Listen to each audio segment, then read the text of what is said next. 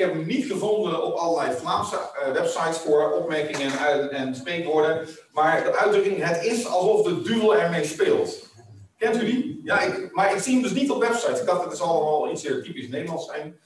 Dat is het moeilijkste, hè, de taal. De spreekwoorden die je niet gewoon bent om die je eigen te maken of die te kunnen gebruiken. Maar het is alsof de duvel ermee speelt. En dat gebruiken we op het moment dat er iets misgaat. En dat misschien wel vaker misgaat. Dan zeggen we, het is alsof de duvel ermee speelt. Het lijkt wel alsof het de bedoeling is dat het misgaat. Een voorbeeldje. Kent u dat? Dat je de hele week geen enkel probleem hebt om vroeg op te staan. Maar op zondagmorgen, als de kerk begint, dan kom je er maar niet uit. Dat lukt gewoon niet. Zeggen we dan? Het is alsof de duivel ermee speelt. Of um, bijvoorbeeld uit ons eigen leven. Wij hadden een hele tijd uh, hebben wij tienerwerking gedaan, jongvolwassenen in Nederland. Toen waren wij zelf ook nog nauwelijks iets ouder dan jongvolwassenen. Maar altijd, dat was op zaterdagavond, altijd hadden wij zaterdag ruzie. Altijd. Tot je bedenkt, maar volgens mij is hier iets anders aan. Volgens mij zit hier iets geestelijks achter. En als je dan samen gaat binnen en, en daarmee bezig gaat, dan kun je dat tackelen. Want als je ruzie hebt gehad, ja, ga dan maar eens een studie geven aan, aan jongvolwassenen. Daar ben je niet klaar voor. Als we goed nadenken, en dan, ik hoop dat u met me eens bent, dat we in een tijd leven waarin er een oorlog wordt gevoerd om het gezin. Er wordt een oorlog gevoerd om ons denken.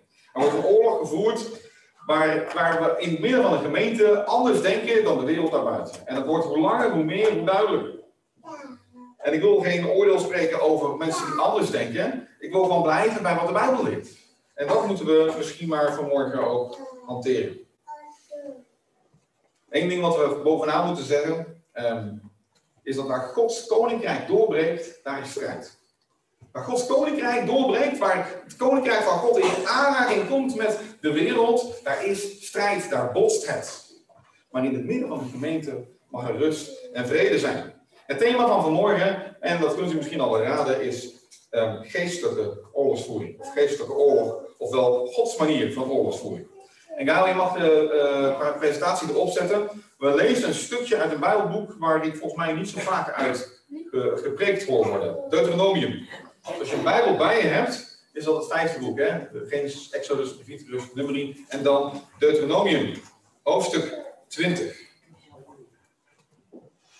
Daar leert God het volk van Israël hoe ze oorlog moeten voeren. En daarom wil ik het gebruiken. Vers 1. Als u ten strijde trekt tegen de vijand en u stuit op een overmacht met paarden en strijdwagens, wees dan niet bang. Want de Heer, uw God, die u uit Egypte heeft weggeleid, staat u bij. Voor het tot een treffer komt, moet de priester naar voren treden en het krijgsvolk zo toespreken. Luister, Israël. Vandaag bindt u de strijd aan met de vijand. Wees sterk en moedig en laat u niet afschrikken. Wees niet bang voor hem. De Heer, uw God, gaat met u mee. Hij is het die de strijd voor u voert tegen de vijand. Hij schenkt u overwinning. Daarna krijgen de schrijvers het woord. Wie net een huis heeft gebouwd en het nog niet in gebruik heeft kunnen nemen, mag naar huis terugkeren. Anders neemt een ander het in gebruik als hij in de strijd sneuvelt. Wie een wijngaard heeft geplant en nog niet zelf de eerste druiven heeft kunnen plukken, mag naar huis kunnen terugkeren. Anders plukt een ander die als hij in de strijd sneuvelt. Ook wie een bruid heeft, maar hij nog niet heeft kunnen huwen, mag naar huis terugkeren. Anders huwt een ander haar als hij in de strijd sneuvelt. Verder moeten ze tegen het krijgsvolk zeggen: wie bang is, wie het aan moed ontbreekt, mag naar huis terugkeren. Anders verliezen de anderen misschien ook de moed. Als, u als al deze dingen gezegd zijn, moeten ze officieren over de manschappen aanstellen. Tot hier. Hij begint zo Als u staat tegenover een overmacht. Als je daar tegenover staat. Het is niet dat God hier de opdracht geeft. Zegt jongens, gaan we de wereld in en verover de wereld. Nee, als je staat tegenover een overmacht. Met andere woorden, je wordt aangevallen. als we heel eerlijk zijn, kunnen we dat in ons eigen leven volgens mij regelmatig ervaren. De strijd om ons huwelijk. Misschien zit je hier vanmorgen en denk je, ja, mijn huwelijk ziet er aan de buitenkant mooi uit, maar het is een worsteling. Ik weet niet hoe lang ik dat nog volhoud. De strijd om je gezin, om de kinderen die wel of niet de weg van de Heer volgen. Strijd om seksualiteit. is er één waar ontzettend veel mensen last mee hebben, moeite mee hebben. De wereld, dat toont het in, in alle openheid. En juist vanuit de Bijbel leren we dat dat bedoeld is voor binnen het huwelijk. Daar kan je een strijd mee hebben. De strijd om je ogen of de ogen van je kinderen. Wat zie je zelf en wat laat je je, je kinderen zien? Waar kijken ze naar? En je oren, waar luister je naar? Wat hoor je? Welke muziek luister je? Wat dan ook. Waar luister je, laat je je kinderen naar luisteren? Ben je daar mee bezig? In dit stukje begint God met een opdracht. Wees niet bang. Weet niet of het opgevallen was, hoeveel manieren God gebruikt om dat te zeggen. Volgens mij zijn het vijf of zes keer dat God zegt, wees niet bang. Blijkbaar was het nodig om te zeggen dat ze niet bang moesten zijn. Wees niet bang. En als dat gezegd is, als God dat gezegd heeft, dan, dan komt de priester naar voren. En de priester in het Oude Testament is eigenlijk Gods plaatsvervanger op aarde. Hij vertegenwoordigt God. Dus op het moment dat God zegt, ja, er staat er al een overmacht, er staat daar een menigte mensen, die lijken sterker dan jij, dan zegt God, wees niet bang. En vervolgens komt de priester naar voren. En die priester, dat beeldt dus eigenlijk de connectie met God uit. Met andere woorden, de blik moet van de vijand af terug naar God. God moet de aandacht krijgen. En dan spreekt de priester de woorden Shema Israël. Oftewel, hoor Israël. Als een priester dat zegt, dan moet je opletten. Want dan spreekt God. Hoor Israël. Het zijn letterlijk de woorden van God. Dat is ook hoe God nog vaker spreekt. Ik heb de Bijbel, uh, nieuwe Bijbelvertaling mee, uh, die gebruik ik standaard. Maar als je dit stukje zou lezen in de herziende statenvertaling, dan wordt het eigenlijk mooier. De herziende statenvertaling zegt, laat uw hart niet week worden. Wees niet bevreesd, beef niet en schrik niet voor hen terug. Hoeveel manieren kun je zeggen dat je niet bang moet zijn? Laat je hart niet week worden. Wees sterk en moedig. Laat je gewoon niet afschrikken. Want de Heer, uw God, gaat met u mee en voert de strijd. Hij schenkt de overwinning. En ik moet dan meteen denken aan Romeinen 8. Want wij zijn meer dan overwinnaars in Hem die ons heeft liefgehad. Dat is wat Romeinen zegt. Wij zijn meer dan overwinnaars. Weet u wat God gaat doen vervolgens in dit stukje? Eh, en, en ik, noem het, ik heb het gebruikt omdat ik denk dat, dat het zo werkt. Je staat tegenover een overmacht. Dus er is een, een, een leger tegenover je die groter is dan jij. En het eerste wat God doet is zegt, wees niet bang. En het tweede wat hij doet is mensen naar huis sturen. Dus er zijn al te weinig soldaten. En God gaat ook nog mensen naar huis sturen. Nou, lekker is dat. Maar dat leert ons dat we geestelijke strijd niet winnen door een numeriek overwicht. We winnen de strijd niet door met meer mensen te zijn. Vertrouwen op God is belangrijker dan meer mensen. En niet iedereen is nodig om in die strijd te staan. Dat vind ik ook mooi. Want weet u wat God doet? God beschermt in het stukje het kwetsbare. God beschermt datgene wat nog niet helemaal volgroeid is, wat nog niet af is. Als je een huis hebt gebouwd, en, en oké, in deze tijd kunnen we misschien wel meerdere huizen bouwen in ons leven, kunnen we daar met meerdere huizen bezig zijn, maar in die tijd bouwde je één keer een huis voor de rest van je leven.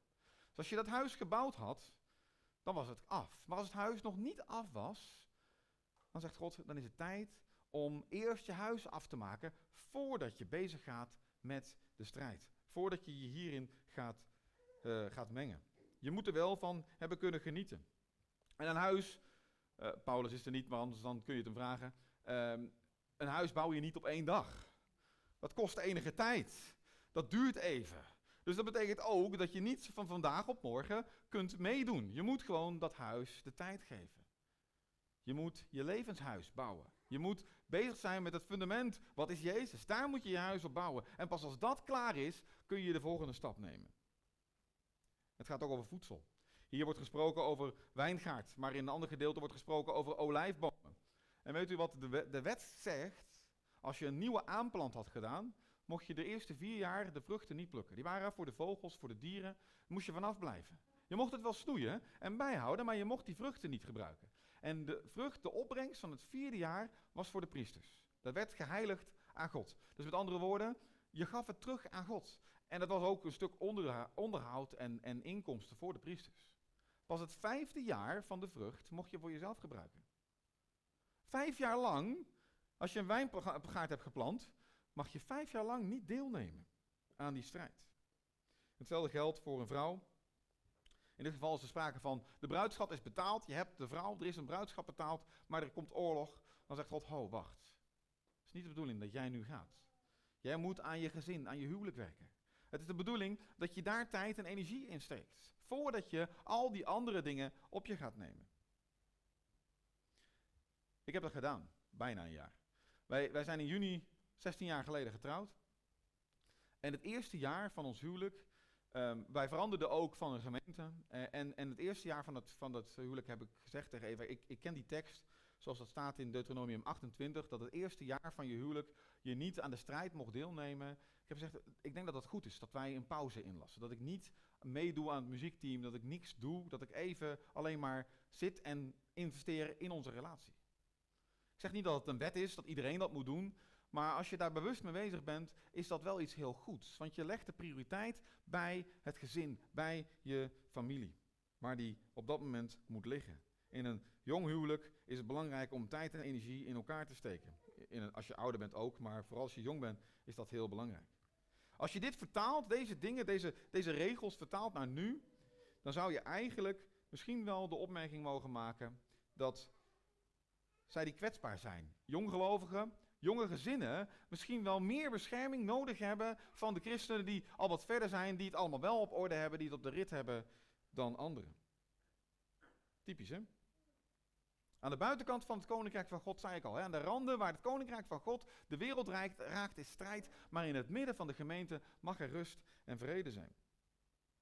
Ik las een ander boekje en daar werd de opmerking gemaakt dat het woord elkaar in verschillende contexten in het Nieuwe Testament bijna 60 keer voorkomt. Heel veel van Gods opdrachten in het Nieuwe Testament, die worden verbonden aan elkaar. Met andere woorden, je kunt ze niet alleen uitvoeren. Je kunt niet de ander liefhebben zonder de ander. Je kunt wel thuis voor die ander bidden, maar je moet het toch voor elkaar doen. Je kunt niet elkaar dienen als je alleen blijft. Je kunt elkaar niet bemoedigen als je je afzijdig houdt. Je kunt een ander niet onderwijzen als je niet met de ander begaan bent. Dat is heel simpel. Dat is de context waarin het Nieuwe Testament en vooral Paulus spreekt over liefhebben. Dit kunnen we nog begrijpen. Dit is nog logisch. Tenminste, zeker in die tijd is dat kwetsbaar. Dat kwetsbare leven wordt beschermd. Maar dan doet God nog iets. Hij stuurt naar huis wie bang is. Wie bang is, moet ook naar huis gaan. Er zit een psychologisch aspect aan. We hebben gemerkt afgelopen anderhalf jaar dat angst besmettelijk is. Angst is besmettelijker, denk ik, dan de Delta-variant. Dat, dat, is gewoon zo. Angst is besmettelijk. En als we heel eerlijk zijn en terugkijken op die eerste maanden van de coronacrisis, dan heeft de overheid en de virologen zelfs toegegeven dat ze bewust de angst hebben aangewakkerd, zodat wij maar bang zouden zijn en ons aan de regels zouden houden. Misschien hadden we het nodig, maar dat toont maar wat angst doet.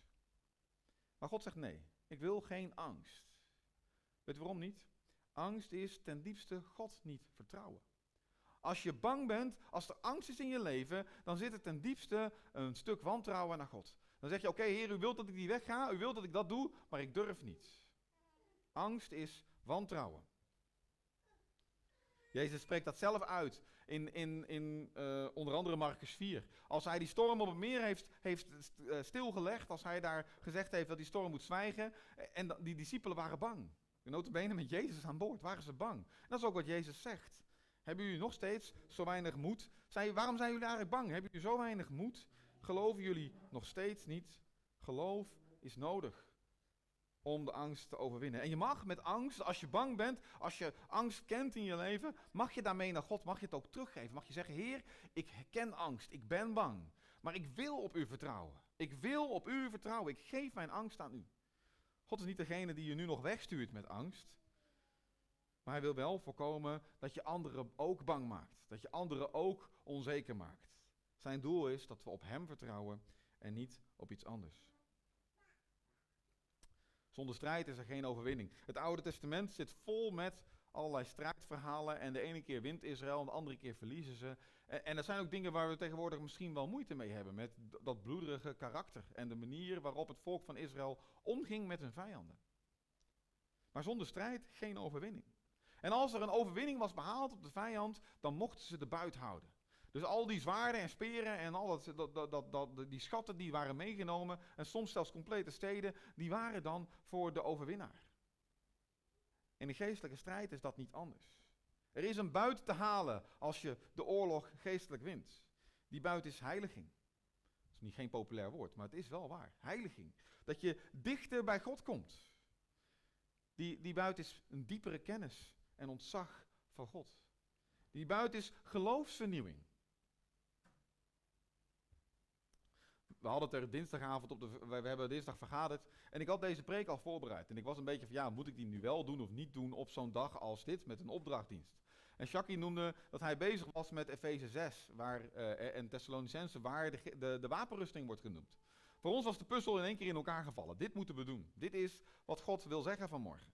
Die, die puzzel ligt er. En aan het einde van Efeze 6, ehm, als u niet meer weet waar de wapenrusting staat, mij werd het ezelsbruggetje, voor de anderen zal die wel wat omslachtig zijn, geleerd. De F-16, het vliegtuig van vroeger, ik weet niet of ze nog steeds gebruikt worden, maar de F-16 geeft luchtsteun. Dus in Efeze 6, vanaf vers 10, F-16, daar staat de wapenrusting. En dan het laatste stukje staat, laat je daarbij leiden door de geest. Ik denk dat we misschien wel eens een keer toe zijn aan een nieuwe preek over de wapenrusting, maar dat is wat anders. Er zitten hele mooie dingen in. Maar er staat bij, laat je daarbij leiden door de geest. En bid voortdurend. Wees waakzaam. En dat wees waakzaam, dat kun je figuurlijk nemen. Hè? Dan kun je zeggen, oké, geestelijke strijd, dat gaat dus blijkbaar vooral in de gebedstijd. Dat gaat vooral in gebed. Samen bidden, alleen bidden, de, de dingen bij God brengen, ervoor strijden, ervoor durven gaan. Laat die gebedstijd nou niet versloffen. Dat kun je figuurlijk opnemen. Maar je kunt het ook letterlijk nemen. Wees waakzaam. Ga maar eens een tijdje s'nachts bidden. Bid maar eens een deel van je nachtrust weg.